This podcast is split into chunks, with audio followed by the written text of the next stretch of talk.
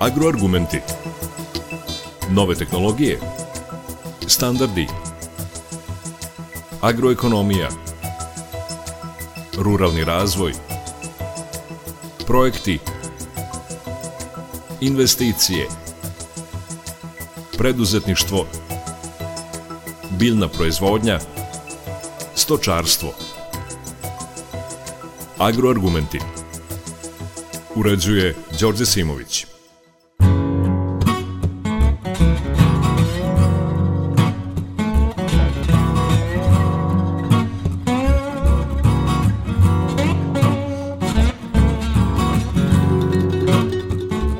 Poštovani slušalci, dobar dan. U današnjoj emisiji govorimo o voćarstvu s dobrim razlogom. Od svih oblasti poljoprivrede ono je u poslednje dve decenije doživelo najveći rast. Proizvodnja je u tom periodu povećana za čak dva i po puta.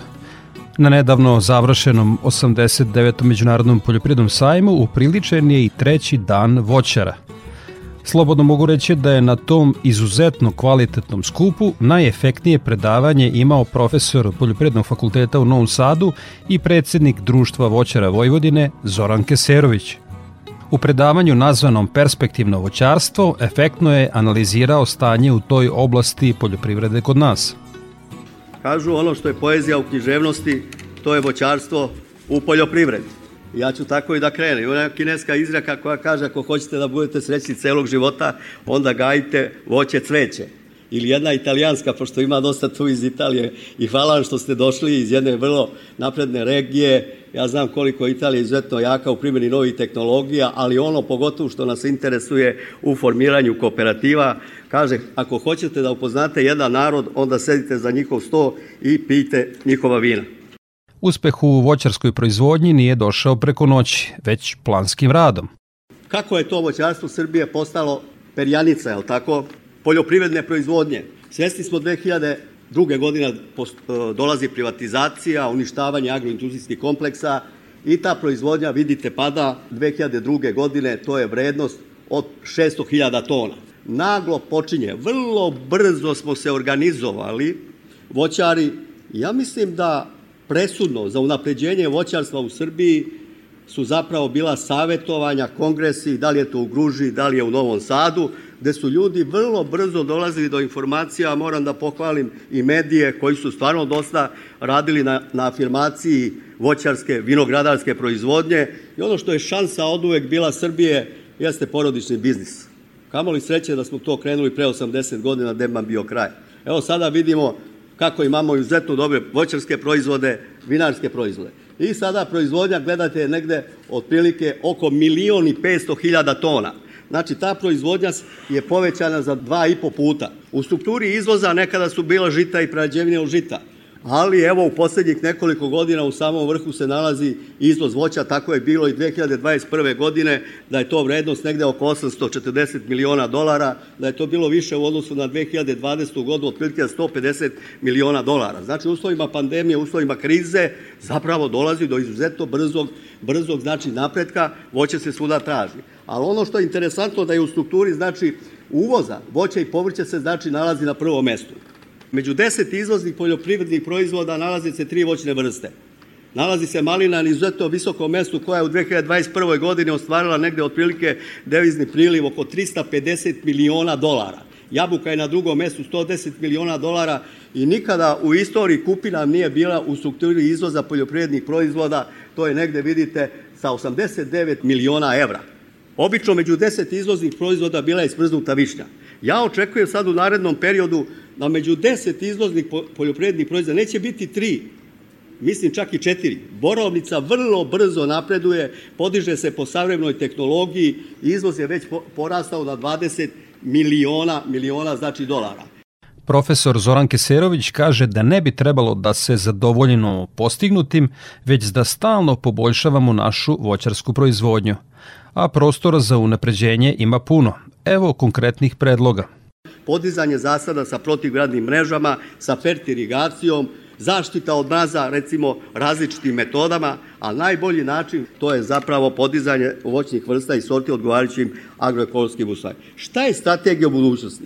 Povećanje produktivnosti. Svi oni koji, evo sada su i ove 2021. godine u početku znali smo da je bilo tu problema problema sa izvozom jabuke. Dobro je da smo izvezli jabuke, nije to zarada kao što je nekada bila. Smanjenje troškova.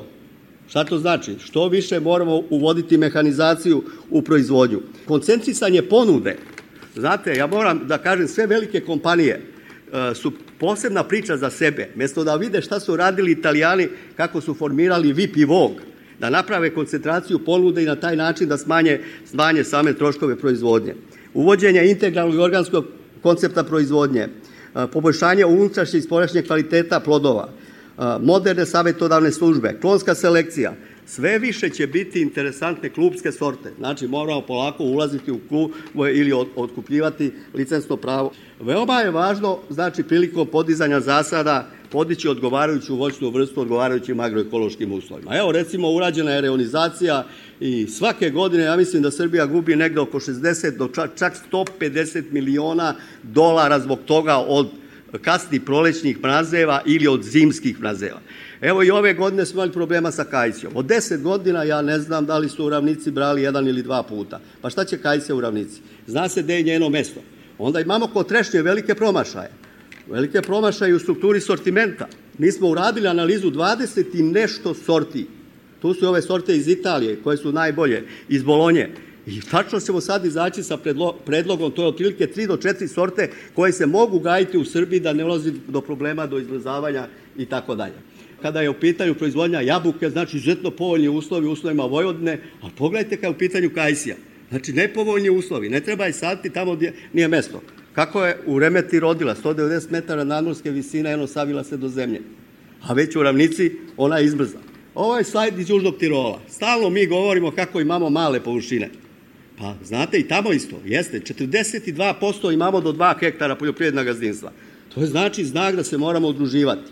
I možda je Srbija, pored uvođenja novih tehnologija, u regionu postala lider i po formiranju zadruga. Najviše zadruga je zapravo formirano u voćarstvu. Najveće, najviše sredstava je dobijeno za programe voćarstvo. Meni je žao što moram da kažem, ali vinogradari nikako da se udruže. Teško nešto ide. Ne znam zbog čega. A kod voćara, evo imate u Slankamenu čak tri zadruge. Tamo. Čak smo razmišljali sada kako da povezujemo te zadruge, da smanjuje troškove proizvodnje. Išli smo u Italiju, u, zatim u, u Španiju, da gledamo kako funkcionišu složene zadruge. Nauka još nije sasvim saglasna da li se kod nas dešavaju klimatske promene ili klimatski ekstremi – u svakom slučaju negativno, a ponekad i katastrofalno utiču na našu proizvodnju voća. To je pojava niskih zimskih temperatura, ranih prolećnih mrazeva, zatim štete od grada, suša i u poslednje vreme imamo olujne vetrove, koji nisu bili. Znači da je došlo do klimatskih promjena. Imamo jedno otopljavanje na početku godine, januar, februar, dolazi do kretanja sokova, a kasnije imamo niske temperature baš u fazi cvetanja i predsvetavanja kada dolazi znači do štete. Kod jabuke nije bilo izbrzanja 2012. a pogledajte kod kajsije. Znači 99 do 100%. Znači treba odgovarajuće voćne vrste i sorte saditi odgovarajućim agroekološkim uslovima. Naravno, postoje tu metode koje se koriste u zaštiti, zaštiti ovaj od poznih prolećnih mrazeva. Kvalitet sadnog materijala. Nismo dovoljno uradili sama država na poboljšanju kvaliteta sadnog materijala i to je velika opomena, žao mi je što sekretar pobeže negde, da moramo nešto da uradimo da polako Srbija krene putem proizvodnje izuzetno kvalitetnog sadnog materijala. Zašto mi toliko uvozimo borovnice, uvozimo jagode, uvozimo sadnice, oraka i tako dalje? Ovo su sve posledice, vidite, od visokih temperatura. Tamo gde nema mreže, ali, ali tamo gde postoji mreža, nema nikakvih problema sa ovim ožegotina. Ili često izmrzavanja imamo i kod trešnje, što su se mnogi iznenadili. Kod maline, počeli su da sade u Vojvodini malinu i došla je godina kada su to sve istarupirali, jer to nisu agroekološki uslovi za malinu. Videli smo u Italiji, tačno se zna gde koja voćna vrsta ide. Borovnica znači isto, tu je bilo neki problema oko, oko sadnje, dubine sadnje i tako dalje. I vidite pojava ožegotina ili tih takozvani rđasti prstenova, ako se javi mraz u fazi presvetavanja ili ukoliko se tretiraju uh, plodovi, plodovi sa nekim od fungicida koji izazivaju teo žegotina i poslednje vreme imamo pojavu skolitida, tako Marko, koja je vrlo česta pojava ne samo kod jabuke, čak kod trešnje, čak dođu sa sadnim materijalom, sa sadnim materijalom. Dalje, znamo jednog proizvođača koji je izgubio 22 tone lešnika zbog pojave brown mramora stecenice. Znam da je Italija izgubila prošle godine u voćarstvu 840 miliona evra zahvaljujući brown mramora stecenice. I ono što se pojavljuje sad u poslednje vreme, a nije bilo, to je zapravo pojava olujnih vetrova. To je jedan zasad koji je sušen 35 hektara. Pogledajte, ove topole su bile 80 do metar, olujni vetar kud je naišao, on je sve pred sobom rušio. Zato je vrlo važno, evo ovde imamo proizvođača stubova i tako postavljanje, vrlo je važno, tako Miroslava, i dužina redova i širina i stabilnost i kvalitet svega toga. Moramo naprediti proizvodnju sadnog materijala. Mi smo nešto uradili zahvaljujući pokrajinskom sekretarijatu i poljoprivrednom fakultetu, a onda smo stali Voraveći u Rusiji video sam koji su to potencijali koliko mi možemo da zaradimo samo od izvoza sadnog materijala, ali moramo voditi računa o kvalitetu, a pogotovo o sortnoj čistoći. Ako profesor uradi jedan projekat i kad prorodi sam zasad i umesto tih sorti dobije druge, onda šta dalje da pričam. Agroargumenti. Po obimu, jabuka je voćna vrsta kod koje smo u poslednje dve decenije najviše podigli proizvodnju, ali i savremenim sortimentom kvalitet. Dobrim delom za to zaslužan je i profesor Zoran Keserović. Najveći pomak smo napravili kod jabuke. Ja ću samo brzo preći, recimo vrlo brzo, dve, e, znači 2002. godine 95.000 tona, sada proizvodimo 500.000 tona. Ne znam da ste znali, nije šljiva u Srbiji više vodeća od 2021. po proizvodnji. Jabuka. 512.000 tona prošle godine, a šljiva negde oko 470. Znači, polako, vidite kad se primenu nove tehnologije, novi sortiment, kad to krene, kako veoma brzo može da se poveća proizvodnja. Raste izvoz, vrlo brzo, kod jabuke. Pa je bio jedno vreme i veliki uvoz, ali dobro je da od 2016. godine opada uvoz jabuke. Aha, opada uvoz jabuke. Uh, otprilike, Srbija zaradi preko 110 miliona, miliona E, znači dolara od izvoza od izvoza izvoza izvoza jabuke. Šta treba u narednom periodu raditi? E, mnogi su ove godine krenuli, s obzirom da nije išla jabuka, počeli su da krče. Naravno, oni koji su udruženi, koji imaju savremene tehnologije, zatim koji primenjuju mehanizaciju, dobar, dobru strukturu sortimenta. Nisu se oni žalili. Dobro je da nije jabuka ostala u klanjači, da je, da, da je plasirana. Polako moramo uvoditi nove podloge. Evo ovo je jedna podloga ovaj, znači, e, koja će zameniti podlogu M9. To je zapravo Ženeva 11, koja se sve više širi i u Italiji, ali takođe i u drugim evropskim zemljama i, i, i u Americi. Kad je u pitanju struktura sortimenta, gde nam je sad prednost u Srbiji? Ja sam bio na Severnom Kavkazu i video sam šta oni tamo podižu, a šta ne mogu. Tamo samo Karbardino Malkarija podiže godišnje, znate koliko? 1400 hektara. 1400 hektara podižu za sada. Jabuke samo.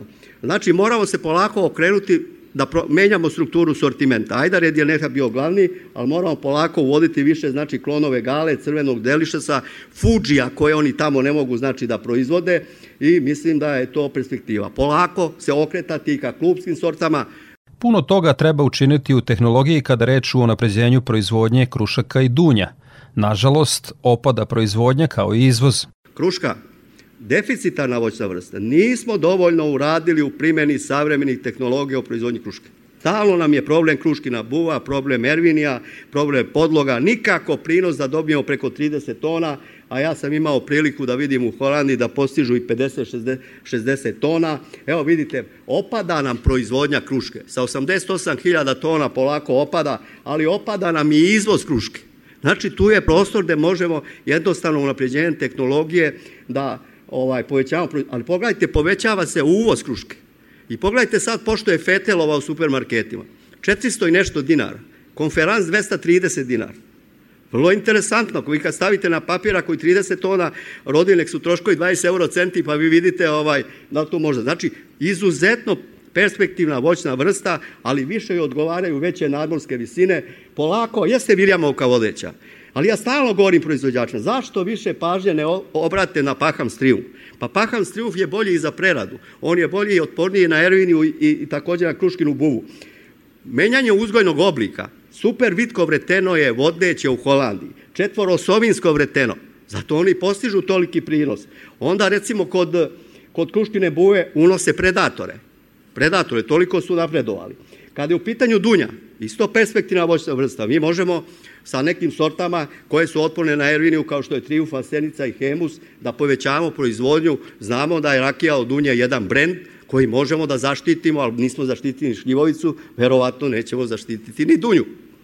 Šljiva je ponos Srbije, ali u novim okolnostima trebalo bi unaprediti tehnologiju proizvodnje, uvesti slabo bujne podloge, sisteme za navodnjavanje, pa čak i protivgradne mreže zbog šteta od grada koje su veće iz godine u godinu. Šljiva koja je kroz istoriju igrala vrlo važnu ulogu. Ali gledajte, 2002. 197.000 tona, a sada je ta proizvodnja negde oko 500.000 tona. Pa mi jesmo zemlja proizvodnje šljive, ali nismo dovoljno uradili na tehnologiji. Ona je i dalje ekstenzivna. Koristimo prunu cerasifera džanari, velika rastojanja, malo je u sistemu navodnjavanja. Ajme navedite neki zasad koji ima sa protivgradnom mrežom. Pa dođe grad sad pa napravi velike štete. Pa, a kažu, a zašto šljivu sa protivgradnom mrežom?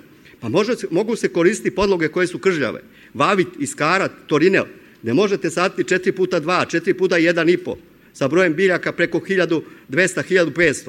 U tom slučaju će se to, to isplatiti. Dalje, mi smo zaboravili onu našu čuvenu požegaču, je tako, koje nema bolje za preradu i drago mi je što polako sada stvaraju brend, šljivovicu od požegače i najvišu cenu u otkupu u posljednje dve godine dobijaju plodovi od požegače. Evo vidimo da počinje rasti izvoz sveže šljive, ali polako počinje da raste i izvoz, znači suve šljive. Mada smo mi pali na nivo izvoza suve šljive koliko je knez izvozio 1867. godine. On je izvozio 4000 tona suvi šljiva i zarađivao 84.000 dukata. Mi smo jedno vreme spali na 2000 tona. Kako je propadalo srpsko selo, tako je propadalo i srpsko, srpsko šljivarstvo. Evo kako treba raditi. Za stonu upotrebu, gusti zasadi, vavit, iskara, torinel, uzgojni oblik prilagođen berbi sa zemlje. Ovo je takozvana redukovana vaza ali u Nemačkoj to zovu kiferov, uzgojni oblik. Ima malo izrađenu produžicu. Tamo gde je za sušenje, koriste se tresači. Ako je cena šljive i 26 dinara, ako se koriste tresači, onda su troškovi proizvodnje 2 do 3 dinara. Onda on može, proizvodnjač može nešto da zaradi. Pa kaže skup tresač, pa udružite se lepo, pa kupite tresač, onda ćete smanjiti troškove proizvodnje. Znači, pored ovih sorti koje su gore navedene, znam da recimo u Šumadiji dosta veliki dobit ostvario Grossa di Felicio, ali tu je i prezenta, to, Topen Plus i tako dalje. Voćarima koji nameravaju da podižu zasade ostalog koštičavog voća, sledeći saveti Zorana Keserovića svakako će dobro doći. Vojvođani vole kajsiju, baš zbog kajsijevače, ali je sade tamo da joj nije mesto, u ravnici. I od deset godina nemaju jednu godinu da uveri. Vidite kako su nagle promene, pogledajte u prinosima. 40.000 tona pa padne na 15.000 tona. U poslednje tri godine imali smo velika izmrzavanja. Možemo mi da zaradimo od izvoza kajsija čak vidite i do preko 5 miliona dolara, možemo i 10, ali nemamo je dovoljno. Moramo birati agroekološke uslove koje odgovaraju. Ovo je recimo na vinogradskoj breskvi kalemljene naše sorte instituta u Čačku na rastojanju 4,5 puta 2 metra. Vinogradska breska, zapamtite, je odlična podloga za kajsiju za kuste zasade. Svake godine rodi. Evo imamo jedan zasad isto u remeti podignut na rastojanju 4,5 puta 1,20, 1,50 na Torinelu i Skari. Evo vidite, sa zemlje možete sve da radite. I berbu, jel tako, i rezidbu. I dosta su krupniji plodovi. Znači tu možemo intenzivirati proizvodnju. Podizanje gusti zasad protiv gradnom mrežom. Ali najvažnije kod kajsije birati odgovarajuće agroekološke uslove. Ono što je dobro, Od svih ovih sorti koje ovde NS4 i NS6 su vodeće, ali najbolje rezultate za sad postiže S selekcija SK1 i ja se nadam da će ove godine biti priznata ta sorta. Kod breskve dolazi do pada proizvodnje, dolazi do pada izvoza. Jedino nešto kod nektarine, evo vidite, imamo povećanje. Šta se desilo, ne znam. A mislim da tu imamo jako velike šanse. Niko u Srbiji ne gaji, jel tako, ove plosnate sorte bresaka i nektarina, a gde su ove sa crvenom bojom mezokorpa i tako dalje. Trešnja, deficitarna voćna vrsta u Evropi i svetu. U Srbiji, pored borovnice i jabuke, najviše se uradilo na tehnologiji proizvodnje trešnje. Ja radim 10 godina i ja sam pravio greške. Vrlo je važno izabrati odgovarajuću lokaciju i odgovarajući tip zemljišta za Gizelu 5. Ne voli ona teška zemljišta, ne voli zabarena zemljišta.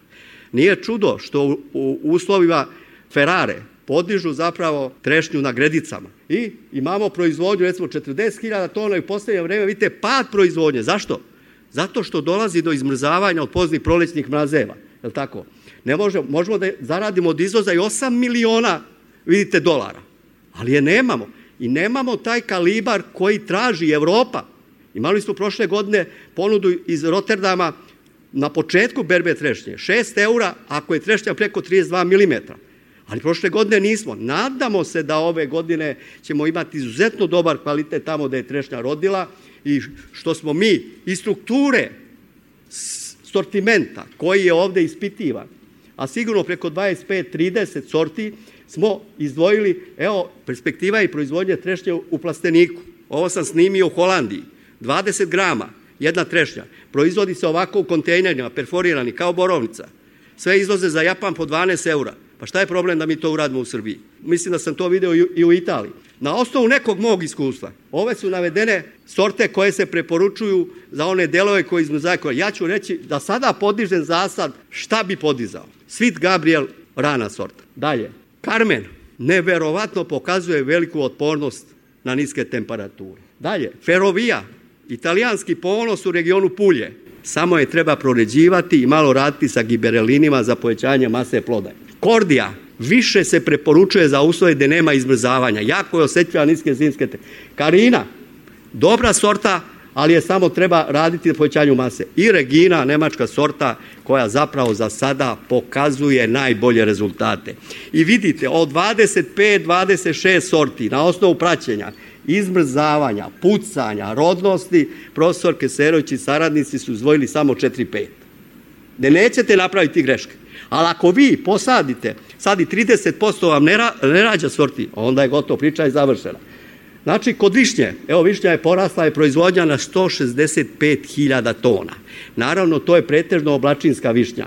Raste i izvoz, ali je tu je veoma interesantno da je tu se najviše napredovalo uh, i u mehanizovanoj berbi, tresačima, zatim ovim kombajnima, gde su troškovi od 2 do 3 dinara, 2 do 4 dinara.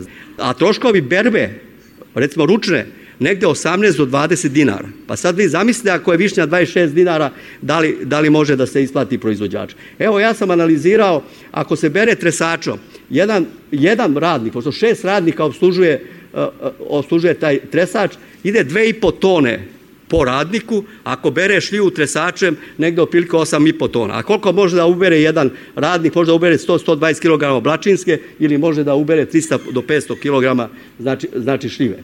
Ovo su krupoplodne sorte višnje koje se preporučuju. Dobro je što smo mi, zahvaljujući jednom projektu, intenzivirali proizvodnju višnje. Pa što smo mi prvi dali predlog da se kalem i višnja i na gizelu 5 i 6, pogotovo stone sorte višnje i da se sve radi sa zemlje.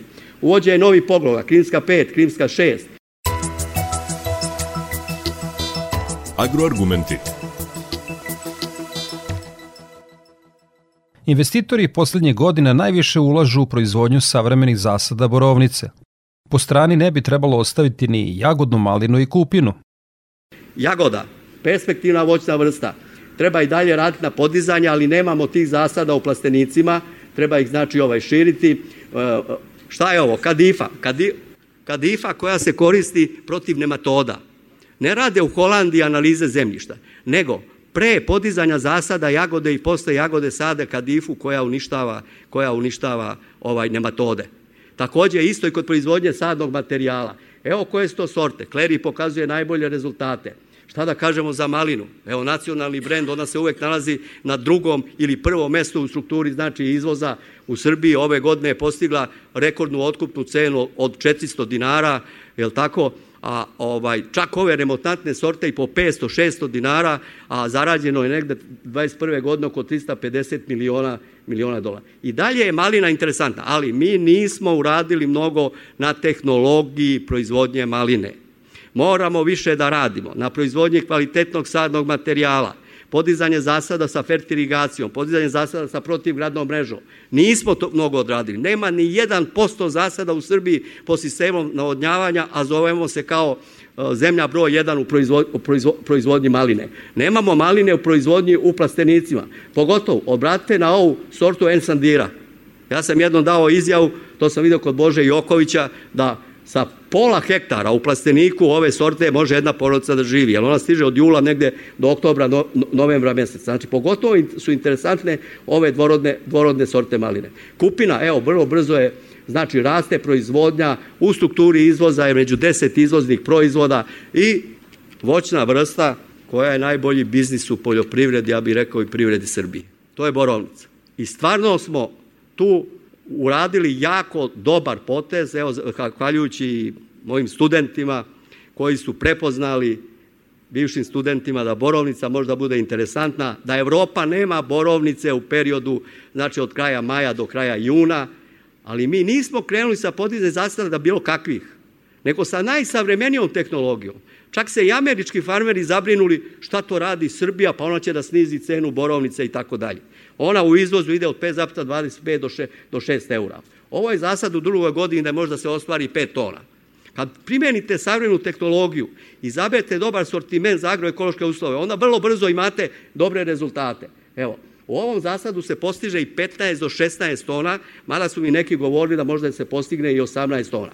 Za kraj, profesor Poljoprednog fakulteta u Novom Sadu i predsjednik Društva voćara Vojvodine Zoran Keserović konstatuje da oraha ne proizvodimo ni za svoje potrebe, a dobro je da smo povećali proizvodnju lešnika. Kod jezgrastih voćnih vrsta, nažalost, nismo uradili mnogo. Evo, sad smo počeli, zahvaljujući ulasku kompanije Ferrero, kak se sad to zove, nije Agriser, nego Agri Serbia, i svaka čast zato što podignuti su matičnjaci ovde, podižu se zasadi po savremenoj, savremenoj, tek, tehnologiji. Kod oraha pada proizvodnja. I dalje uvozimo orah. Kakav izvoz, ne, ne treba da sanjimo izvoz. Ali dobro je što se podižu te nove sorte koje sada podižu po sistemu 7 puta po 5, 7 puta 4, naravno tu je Chandler, ali treba biti oprezan kod ove sorte. On je jako osetljiv na niske temperature. Pedro, koji je jako dobar, Lara, evo lešnik, polako raste, vidite, zahvaljujući ulaski kompanije Ferrero proizvodnja i to je sad negde oko 6000, e, oko 8000 tona već proizvodnja. Vidite, bila je 3000 tona. Ono što je dobro što se podižu zasadi po jednoj standardizovanoj i dobroj tehnologiji. Ali mi i dalje, gledajte, u, i dalje znači uvozimo lešnik. Evo potrošimo negde oko 4 miliona, potrošimo 4 miliona potrošimo znači ovaj dolara za, za uvoz lešnika. Znači ovde imamo prostora. Izvoz lešnika iz Turske. Samo Italija godišnje uveze oko 50.000 tona, Nemačka preko 50.000 tona, Francuska preko 17.000 tona. Iako Italija proizvede 120.000 tona, pa ja mislim i da celu južnu Srbiju, istočnu Srbiju podignemo 60.000 tona lešnika, da 60.000 hektara acu, slažeš se, da neće biti nikakvih problema, to je berzanska roba. Evo gde nam je šansa. Ja sam to čak i predložio, ajmo istočna Srbija i južna, ima jako dosta zemljišta koji se ne obrađuje da se to polako kultiviše. Naravno, postoji sistem ovaj stablašnica, jel tako, žbunastih formi i tako dalje. Naravno, mislim da je voćarstvo i dalje perspektivno, da nismo iskoristili agroekološke uslove. Bio sam juče u okolini Svilajnca i kad sam video one kanale koji su zarasli u korov, a okolo takvu zemlju bogatu, pa šta bi italijani dali da imaju takvu zemlju, ja znam u Južnom Tirolu na kakvim padinama podižu zasade i sve. Mora ministarstvo da daje više postica za unapređenje voćarstva i sigurno da mladi ljudi malo hrabrije ulaze u podizanje sadnih zasada. Hvala lepo.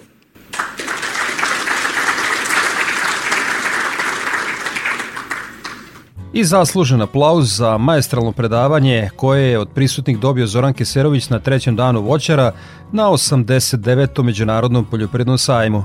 I poslušajte profesora, ako želite da budete srećni ceo život, gajite voće i cveće. Toliko u današnjim agroargumentima. Ja sam Đorđe Simović i pozivam vas da ostanete uz Radio Novi Sad. Za kraj emisije Predah uz muziku slušamo legendarnu grupu 220 i pesmu Osmih. Svako dobro.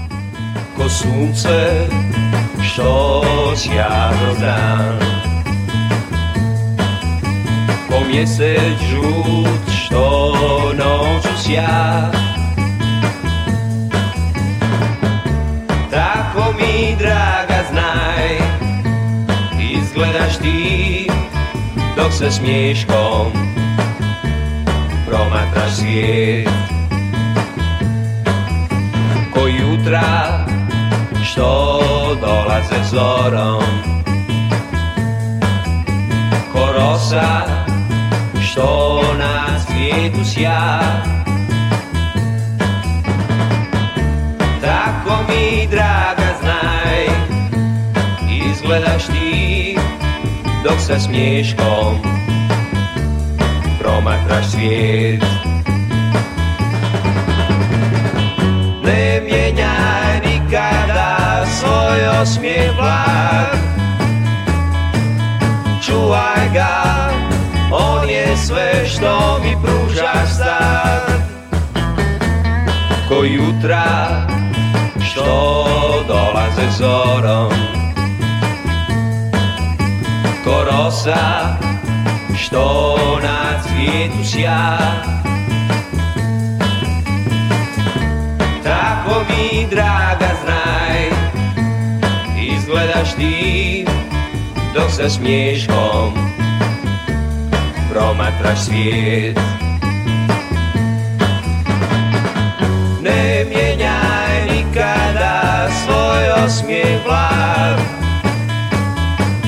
Čuvaj ga on je sve što mi pružaš sad. Ko jutra što dolaze zorom. Ko rosa što na cvijetu sja. Tako mi draga znaj Izgledaš ti dok sa smiješkom promatraš svijet Tako mi draga znaj Izgledaš ti. Dok sa smiješkom promatraš svijet